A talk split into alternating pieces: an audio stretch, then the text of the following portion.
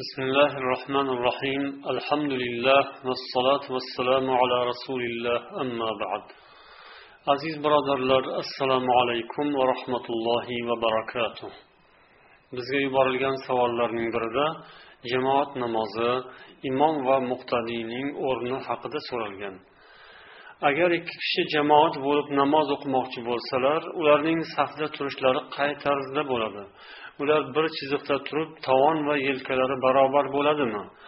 Agar imomga ergashuvchi kishi imomdan gavdaliroq bo'lib sajdaga borganda va qa'dada o'tirganda imomdan oldinroqqa tushib qolsa zarari yo'qmi? deb so'ralgan.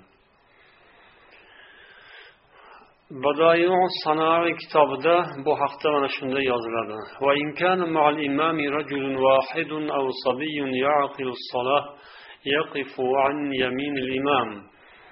Agar imom bilan bir kishi erkak kishi bo'lsa yoki namozni tushunadigan go'dak bo'lsa imomning o'ng tomonida turadi deb yoziladi.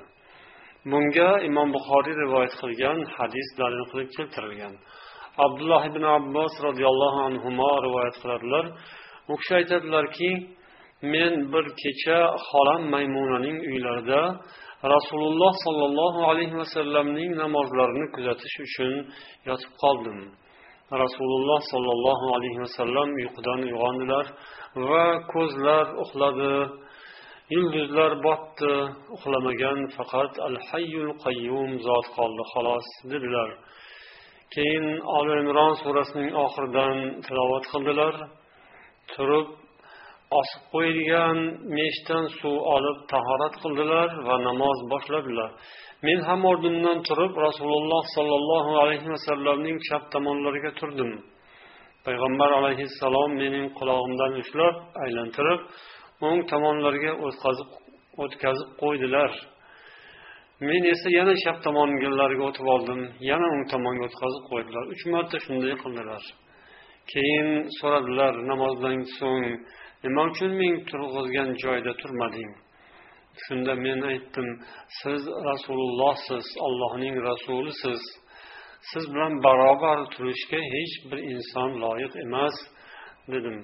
Shunda payg'ambar sollallohu alayhi vasallam ey ollohim bunga dinni tushuntirgin va tavilni o'rgatgin deb duo qildilar. Ya'ni bu yosh bola bo'lishlariga qaramasdan abdulloh ibn abbosning rasululloh sollallohu alayhi vasallamga bo'lgan muhabbatlari va hurmatlarini rasululloh sollallohu alayhi vasallam demak husni qabul qildilar ularga ma'qul keldi va bu bolaning haqqiga duo qildilar. Demak bu hadisda bir kishi agar imom yonida bo'ladigan bo'lsa o'ng tomonda turishga dalil bor. Yana badoyo kitobida yoziladiki rasululloh sollallohu alayhi vasallamning ana u bolani ya'ni abdulloh ibn abbosni uch marta qaytarib o'ng tomonlarga turg'izib qo'yganlari bu dalilun ala anna muxtar huval wuquf an ala yaminil imam. Demak bu kishi muqtadiy kishi bir odam bir kishi bo'ladigan bo'lsa imomning o'ng tomonida turishi demak e, qoida mana shundan iborat ekaniga dalildir. Endi agar muqtadiy ikki kishi bo'lsachi bunda ikki xil ko'rinish rivoyat qilingan. Yana shu sanoiy kitobida aytiladiki وروي عن أبي يوسف أنه يتوسطهما لما روي عن عبد الله بن مسعود رضي الله عنه أنه صلى بعلقمة والأسود وقام وسطهما. وقال هكذا صنع بنا رسول الله صلى الله عليه وسلم. رواه مسلم. abu yusufdan rivoyat qilinadi u kishi aytadilarki agar muqtadiy ikki kishi bo'lsa imom ularning o'rtasida turadi. Chunki abdulloh ibn masud roziyallohu anhu alqama va al asvad bilan namoz o'qidiganlarida ularning oralarida turib imom bo'lib namoz o'qib berdilar va rasululloh sollallohu alayhi vasallam mana shunday qilganlar deb aytdilar. Buni muslim rivoyat qilganlar. Ammo buxoriy rivoyatlarida kelgan hadisda aytiladiki anna nabiy sollallohu alayhi vasallam salla bi anasin val yatima va aqomahuma khalfahu. Payg'ambar sollallohu alayhi vasallam anas va yana bir yetim bola bilan namoz o'qidilar va u ikkovini orqalariga turg'azib qo'ydilar deyilgan. Demak ulamolar imom ikki kishining orasida turib namoz o'qishini joizligi va bu agar makon o'sha joy namoz o'qiydigan joy tor bo'lsa shunda mana shu imkoniyatdan foydalanishi mumkinligini aytadilar kitobida aytadilar أي تقدم النبي صلى الله عليه وسلم دليل الأفضلية والأثر دليل الإباحة payg'ambar sollallohu alayhi vasallamning oldinga o'tib namoz o'qiganlari demak imom muqtadiylar ikki kishi bo'lganda oldinga o'tib namoz o'qishi afzaldir degan ma'noga bu dalil bo'ladi. Ammo yuqoridagi hadis esa demak orasida turib ikki kishining orasida turib ham agar namoz o'qisa u joizdir mubohdir deb aytish mumkin deydilar. Agar muqtadiylar kishidan ko'p bo'lsalar uch kishi yoki undan ko'p bo'lsalar demak unda albatta imom oldinga o'tib namoz o'qiydi. Payg'ambar sollallohu alayhi vasallam va xalifalar va barcha musulmon ummati demak qo'llayotgan ular amal qilgan sunnat ana shundan iborat bo'lgan.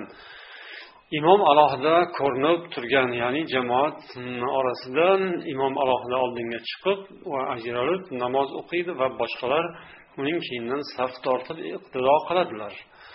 Imom va muqtadiyning qadamlari qanday holatda turadi? Ya'ni agar imom bir kishi bilan yonma yon turadigan bo'lsa yoki ikki kishining orasida turib ham demak joiz ekan agar namoz o'qisa shunday holatga agar zarurat ham shuni taqozo qilib imom muqtadiylar orasida turadigan bo'lsa demak ularning oyoqlari qadamlari qanday holatda turadi?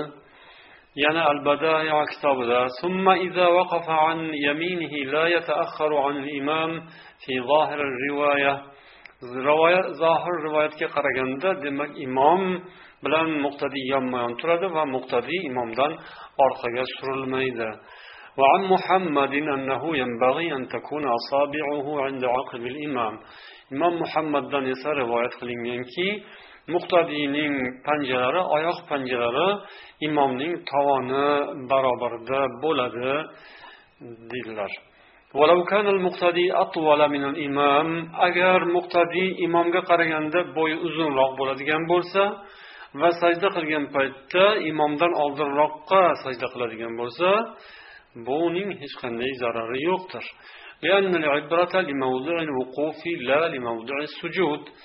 chunki bu yerda ibrat e'tiborga olinadigan narsa inson turadigan maqom o'rindir ya'ni oyoqlari turgan joydir sajda qiladigan joy emasdir كما لو وقف في الصف ووقع سجوده أمام الإمام لطوله جاز xuddi shuningdek demak agar muqtadiy safda turgan bo'lsayu uning sajdasi imomning oldin imomdan ham oldinga tushadigan bo'lsa demak bu zarari yo'qdir Alloh barchamizga tavfiq bersin subhanakallohumma va bihamdik ashhadu an la ilaha illa anta astag'firuk va atubu ilayk vassalomu alaykum va rahmatullohi va barakatuh